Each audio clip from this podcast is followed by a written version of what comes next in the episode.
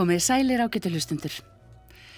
Nú er starf tónlistaskólana hafið að nýju og margir ungi nefnendur að stíga sín fyrstu skref á tónlistabrautinni, margir hverjir að hefja náma það hljóðfari sem valið var. En hvernig velum það sér hljóðfari? Hvað er það sem ræður úrslitum um hvaða hljóðfari verður fyrir valinu? Akkur vilja sumir læra á fylgu og aðrir kannski á horn? Ég rælti nýri hörpu í vikunni og spjallaði við nokkra hljóðfaraleikara í Sinfoni Hljómsveit Íslands um það hvernig það axlaðist að þeir hófu nám á hljóðfari sitt sem þeir hafa náð svo frábærum tökum á. Svo fór ég í tónmyndaskóla Reykjavíkur sem mótað hefur margan tónlistamannin og átti þar spjall við önnur hún alladóttur skólastjóra. En við byrjum nýri hörpu.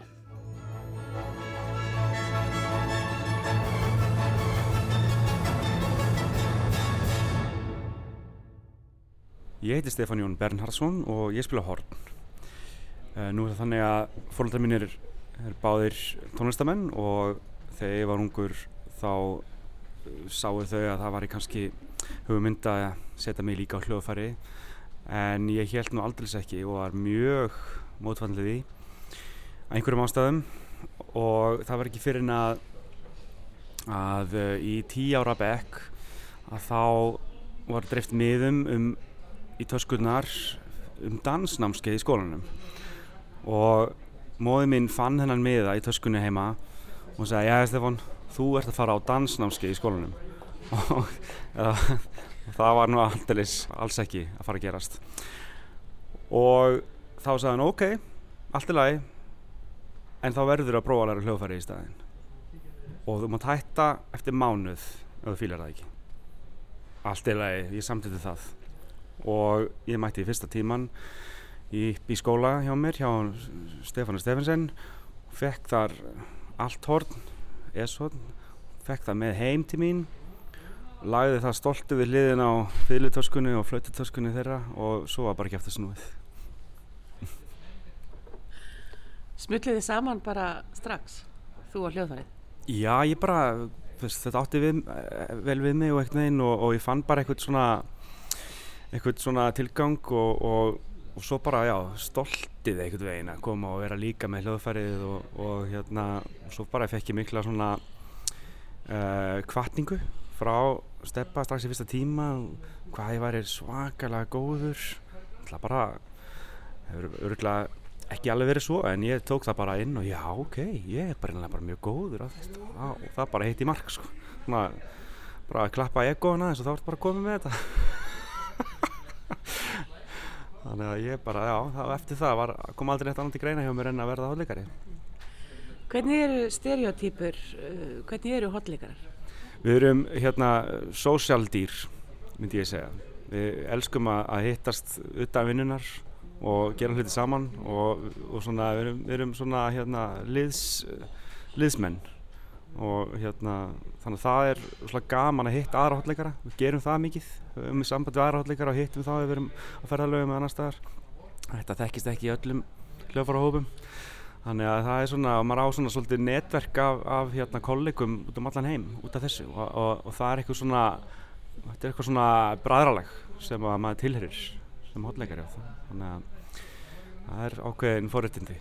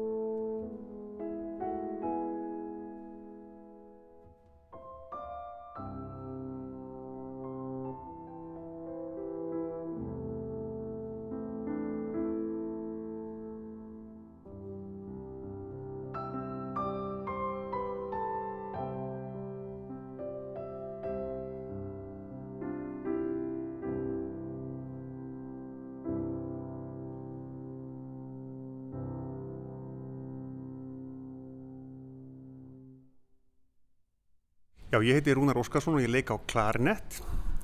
Ástæðan fyrir því að ég valdi klarinett, ég held að sé pínu einhverja tilvílanir í þessu, einhverju leiti, en um, ég held að mér hefði fyrst og fremst langur til að vera saxofónleikari.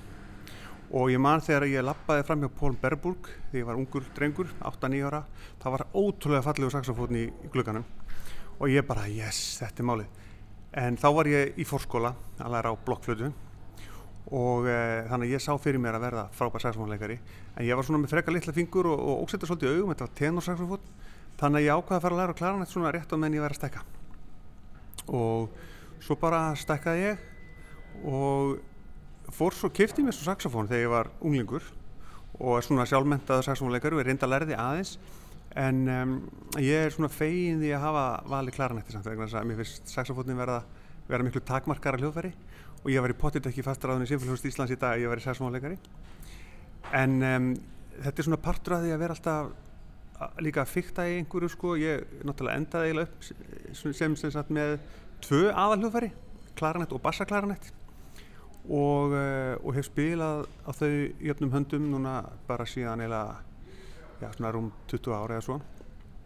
Og, og ég á alltaf saxofón og spila á hann reglulega sko en stóri saxofónferillin, það var ekkert úr honum. Þú erum með hérna bassaklarinett í fanginu, þetta er svona svolítið eins og eiginlega fallerinn saxofón?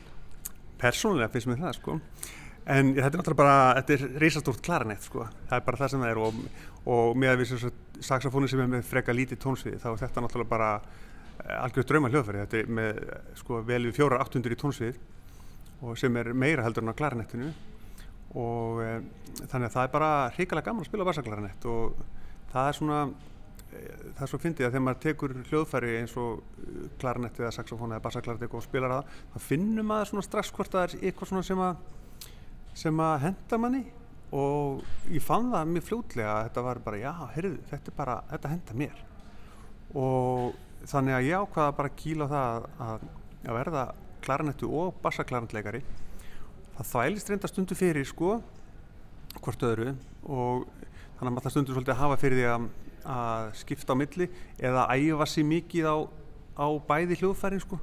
Það er svona í öfundastundum fólk sem bara gerir bara eitthvað svona eitt. Ég er alltaf að vasast í öllu. Og, hérna, og þetta er partur af því sko að vera með tvö aðalhljóðfæri. Er þetta til einhverja stereotýpur fyrir klarnettileikara? Um, þetta er frábær spurning, herðu, stereotýpur fyrir klarandleikara. Sko, þeir klarandleikara sem ég þekki, ég hef lært hjá, ég hef lært hjá mörgum klarandleikurum, erlendum sem íslenskum, að þeir eru allir hérna ljúfustu týpur. Ég veit ekki hvort að það segir eitthvað. Uh, fólk sem að uh, gott að umgangast og uh, er svona afslappa, líka afslappa gagvart hljóðfærni, afslappa gagvart listinni og svona skemmtilegt fólk sko. Það var svona allavega svona, kannski hef ég bara valið mér þá klarnleikara sem vini og, og kennara sko, það er týpur en svona það er mín upplifun af klarnleikurum. Ég veit ekki hvort einhverju aðri geta tekið undir þessa lýsingu hjá mér.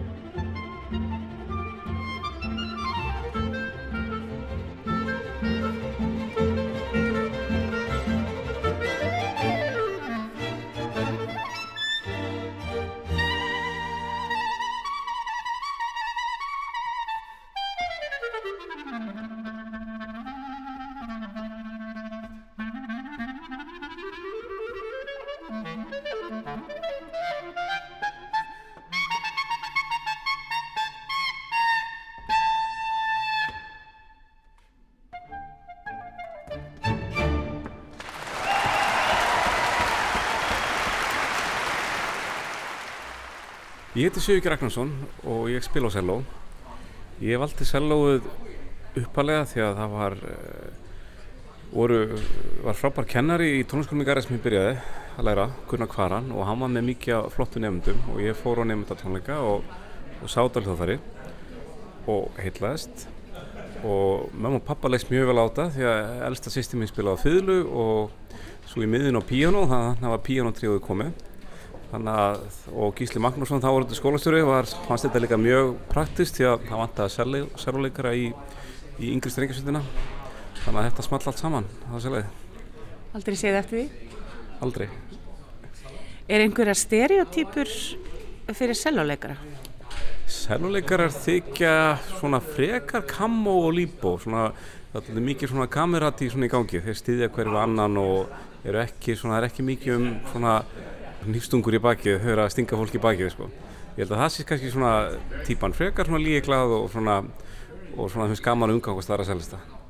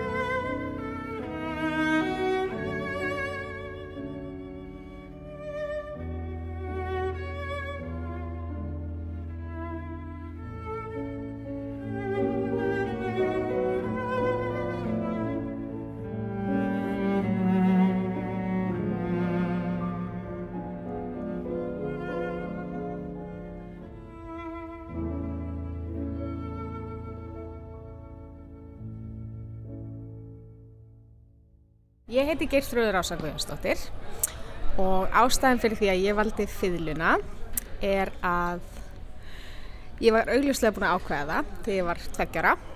Fóreldra mínir skráði mig í cello. Svo kom að ég að byrja og ég sagði bara nei. Og ég sagðist bara ætla að spila fiðlu. Svo fór ég bara að spila fiðlu. Hvað varstu gömul þegar þú fjast fyrstu filmu? Ég var tveggja háls. Er þetta Suzuki? Já, hjá Lilja, Hjalta. Hver er stereotýpan fyrir fyrirleikara? Stereotýpa fyrirleikara er svolítið svona hátt uppi týpa um, sem er tilbúin til þess að leggja allt í sölutnar fyrir hljóðfarið. Um, svona, svolítið svona eins og söngkonur. Já, svo lítum kannski pínu hátt á okkur. Ég held að sé samt allt í lagi, við æfum okkur svo mikið. Er einhver, veistu eitthvað af hverju? Af hverju þú varst svona ákveðin þú varst tvekja? Ég er frekar ákveðin típa, þannig að ég var augljóslega bara búin að ákveða þetta. Sýsti mín byrjaði að spila píanó, þannig að ég var búin að vera svolítið í kringum þetta. Þannig að ég var augljóslega búin að sjá fiðluna og, og hérna hafði augasta á þessu sko. En svo finnst mér selló uppáhalds hljóðfæri mitt, mér finnst mjög skemmtilegt að hlusta á selló en já, ég var greinlega bara harða ákveðin. Og þegar ég tek mínar ákvarðanir þá eru þær bara fastar. Aldrei séð eftir því? Nei, aldrei. Mjög þægilegt að ferðast með það líka.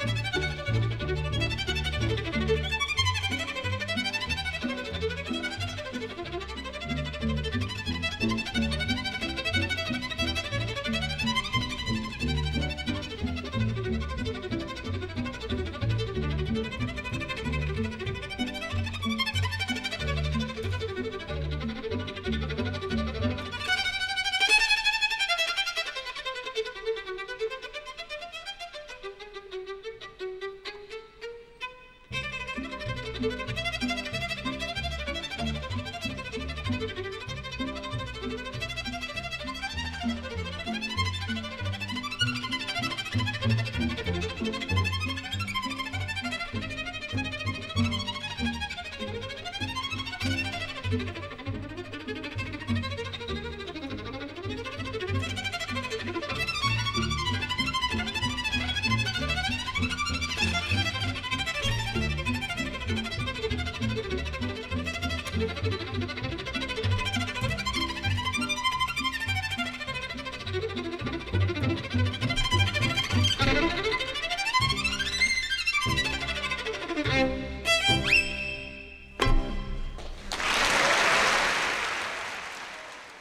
heiti Ásker Hermann Steingrímsson og ég spila á trompet.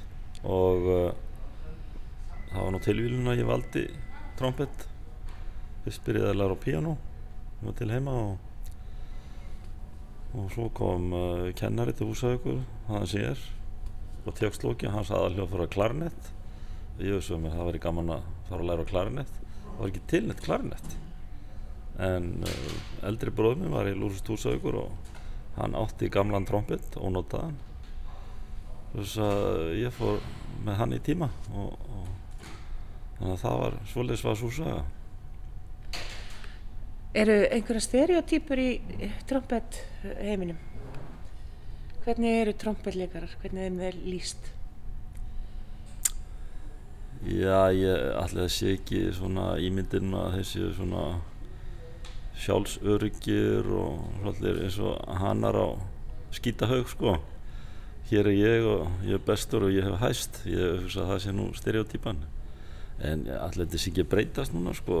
Ég, konur er að, er að taka þetta yfir sínist mér svona með hvernig hvernig aðsóknir í tónlistaskóla og þannig að það hlýtur nú að breytast. Við erum náttúrulega bara pínu litli gallar inn í okkur. Ha. Við erum bara að reyna að feika okkur í gegnum lífi eins og flestir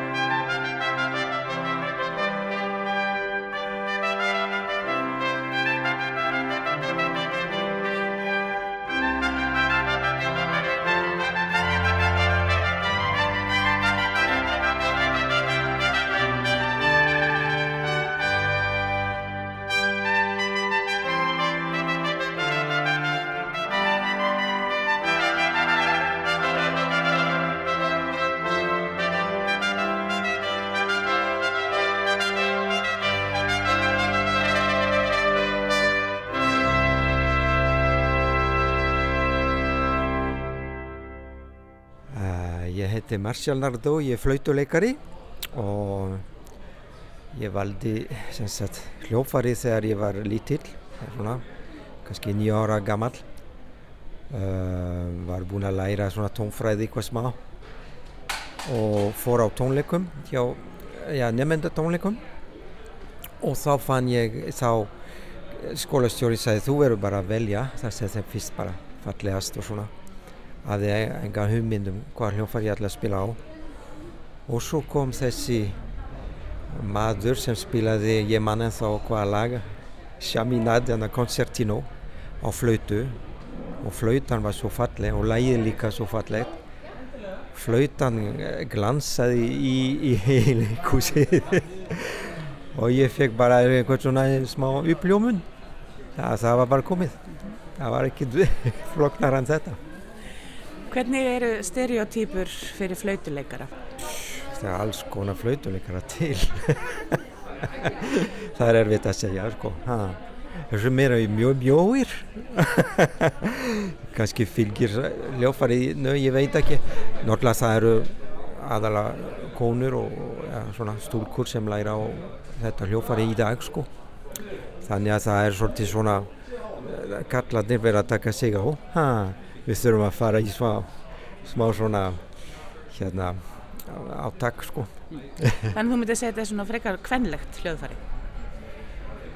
Uh, ég, hvað er kvenlegt og ekki kvenlegt? Ég meina, ég myndi frekka segja þetta er hljófari sem spila háa tóna laglínu og það er kannski svolítið svona kannski hljófari í sálarinnar eða eitthvað er sko. Það er, eða svona við erum hátt uppi sko svolítið ég spila sjálfur á piccolo mikið sko þannig að það kemst engið herra en ég.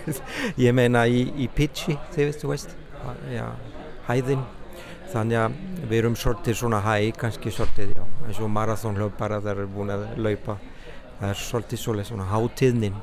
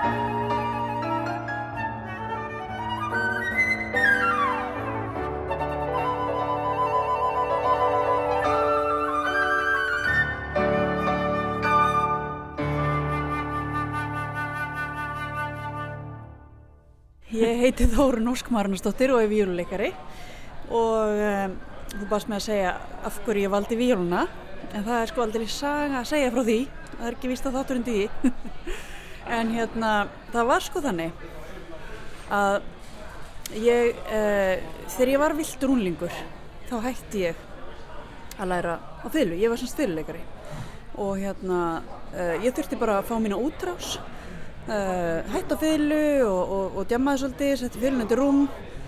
Síðan uh, þegar ég fyrir mentaskóla þá fara krakkarnir í, í tónlistskólanum sem voru yngri en ég. Þau, hérna, þau langar að uh, þau þurfa að vera orðin full, fullvaksinn vantar hljóðfæri fullir stærð og koma bara í strólum heima að dyrum hjá mér og segja, heyrðu ég veit þú oft fylgundur rúm er til ég að selja mér hann á og þá hugsaði ég með mér, ég tími nú ekki alveg að selja hljóðfæri hvað ef ég myndi vilja spila á aftur? Þannig ég ákveðis gráðum bara í tónlistskólan upp á nýtt til að gá hvernig mér liði og þá bara, þú veist, blúsaði upp þannig áhuga ég hugsaði að þetta er það sem ég vil gera restina lífinu. En þá var ég orðin 15 ára gömul og var að læra hjá Lilju Hjaltadóttur sem var frábær kennari og er frábær kennari. Og ég var hjá henni líka áður en ég hætti og það var hún sem stilti mér veg þegar ég hætti og sagði annarkort þú að æfa þig eða þú hættir þessu bara og þá hætti ég bara. En svo byrjaði ég aftur hjá henni, hún frábær kennari Uh, síðan er ég sagt, uh, orðin 19 ára gömul eða eh, um það bil er að fara að útskrifast úr mennskólum Akureyri. Um, á einn metur eftir og þá hættir Lilja í skólunum og ég var búinn á þessum tíma að taka sjöundasti og ætlaði bara að verða fyrirleikari var alveg harða ákveðin því. Og þannig að það var svolítið áfall að missa hann á þessum tímapunkti af því ég var ekki tilbúin að fara frá Akureyri.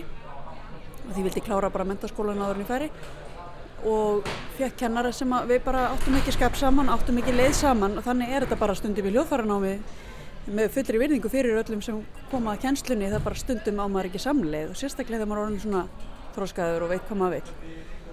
Þannig að ég bara, mér leiði ekki vel námnu, ég var ekki sátt, mér fannst eins og ég væri, mér var að fara aftur hverjum, í hverju viku og, og ég hugsaði nú hætti ég bara í tónarskólum akkurir, hætti bara þá og held bara áfram að æfa mig heima þanga til ég kemst söður og geta farið til annarkort Gunjar eða, eða bara aftur til Lilju eða, eða hvað hva, hva, hva sem ég gerir og, og í þessum dramatísku hugleggingum, þetta var verulega dramatíst fyrir mér á þessum tíma því að þannig er ég búin að taka ákvörðunum að þetta er sé lífstarfið mitt og ég er að taka ákvörðunum að hætta í tónlistaskólanum þannig að þetta uh, var og, og á þessum aldrei er allt dramatíst og ég, ég satt í sófanum heim hjá pappa mínum og, og er að hugsa, hugsa um þetta uh, og hugsa með mér ég sef bara á sín út um, og kveikja sjónvarpinu.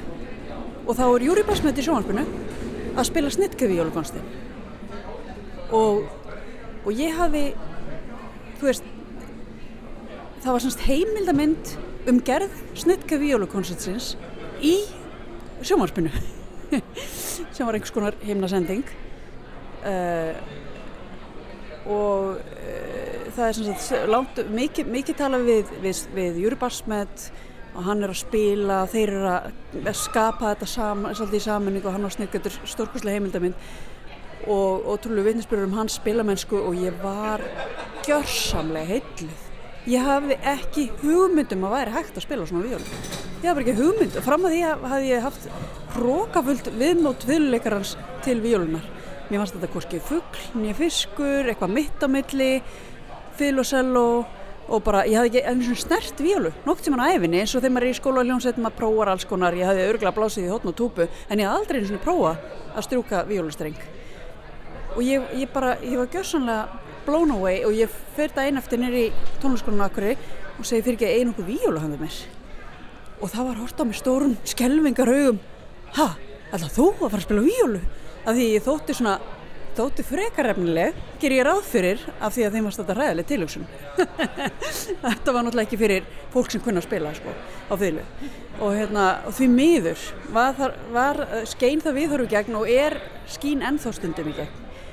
Og ég þurfti að sverja það mér ég ætlaði að fara að spila á vílu neyninni bara að prófa, bara aðeins að prófa fekk upp vílulána og ég prófaði bara að spila allt sem ég kunni á fylguna á víluna og mér fannst allt hljóma betur mér, þú veist ég, ég fór að skrifaði upp tónstega í séliklinum og var, var bara algjörlega uh, obsessed af, af þessu allir saman. Og ég hef frá þeim degi ekki snert fylgna minn þetta var bara ofinberðum og ég fekk sko, ég var með alls konar króniska vöðvabólgu, hún fór.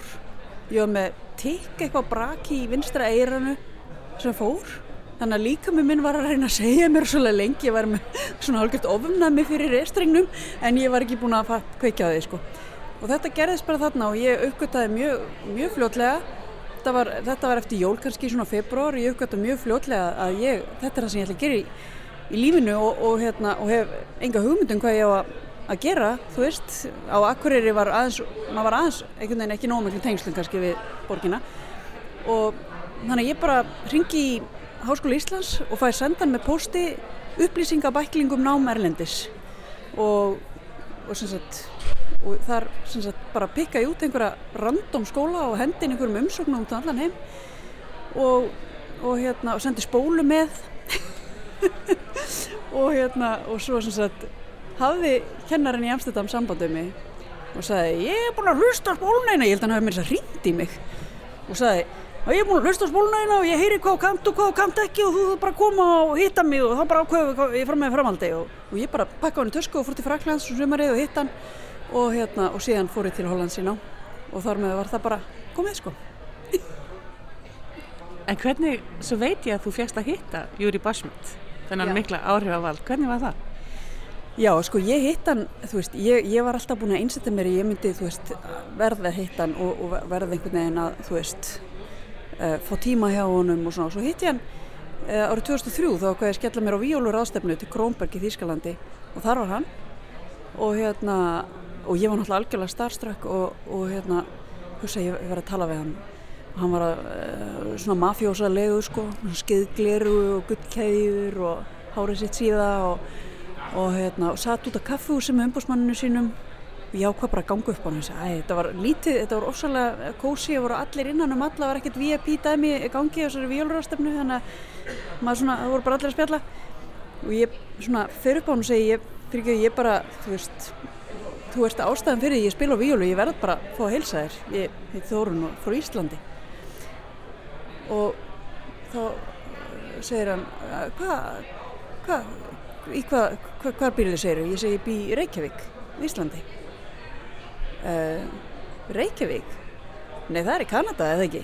Ég segi nei það, það er á Íslandi. Nei. Er það ekki í Kanada? Ég segi nei nei það, það er á Íslandi ég býð það sko. Ég veit og hann, hann segir svona já og svo segir hann eitthvað rúsnesku umbásmannin sinn og þeir eru eitthvað svona velta þessu fyrir sér.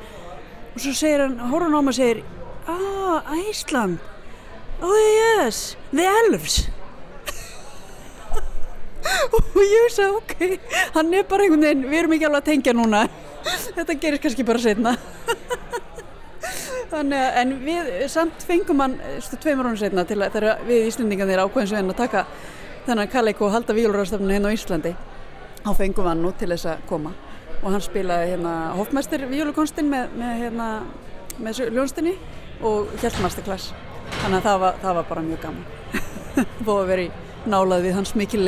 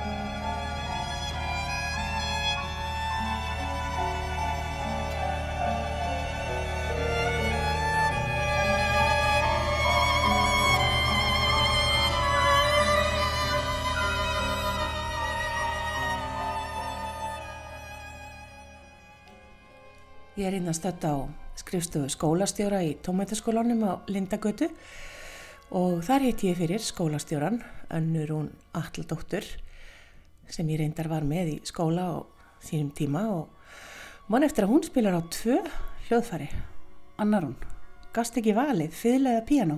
Nei, ég gæti ekki valið. Og þegar að ég hérna byrjaði þá vildi ég líka læra á þörflutu. Þá sagði mamma mín stopp. Ég er nú þakka henni oft fyrir það í dag. En á hvort hljóðfæri byrjaði Ég byrjaði sex ára á fylgu og sjö ára á piano. Og þar aða væri búin að læra á flautu frá fjáraraldri. Fór í svona fórskóla. Og þú helst þessu jöfnum höndum bara áfram og útskrifast á bæði hljóðfæri? Já, tók kennar að prófa bæði hljóðfæri og svo held ég út árandina og þá held ég áfram með pianoið. Þetta með að taka masterspróf á piano. Ég hef nú verið að spyrja fólk að svona stereotypum á sín hljóðfæri. Eru til einhverja stereotypur uh, fyrir píanóleikara? Uh, ég það er svolítið erfitt fyrir mig að svara því. ég veit það ekki, sumi segja sér svolítið svona einrannir. Að þetta er volið einmannlegt hljóðfæri. Oft. Maður er einn að æfa sig, maður er ekki, ég vildi hljómsveit með öðrum og ég veit ekki hvort að það er svo algengt. En þú hlítið þá að vera tvískiptu personleikari ah. því að þú ert að fyrirleikari líka og mér skilst að það sé svona sem svo, sóprandýfur. Já, er það ekki? Jú, þeir eru svona alveg svo leir. ég er bara svona allt. Já. En ég kom nú hinga til þess að spyrja þig um hvernig þið, um, þetta er svona eins og vaggustofan hér. Já. Hér byrjar allt og hér stíga margir sín fyrstu skref í náminu og velja sér sín hljóðfari Um, hvernig fer það fram, Hvað, þetta val? Uh, það er eiginlega tvennskonar. Það er margi sem að byrja hjá okkur í fórskólinu. Við erum með fórskóla sem byrja 6 og 7 ára og þá eru þau bara í al, almenni deilt hjá okkur að læra uh, þá er sérst svona allega tónlistathjálfun og aukþess fá þau að læra blokklutu og á þeim tíma þá fá þau að kynast í gegnum aðra tónleika og það er alltaf kynninga fyrir þau hinn er hljóðfærarinn sem ég bóði er að læra í skólanum. Mm, svo náttúrulega fullt af nefndir sem koma hinga inn og eru bara búinir að ákvaða á hvað hljóðfærið vilja læra. Og mér finnst það vera svolítið í dag þetta að verða pínleiti vandamál því það vilja allir læra piano það er eins og við þekk ekki önnu hljóðfæri.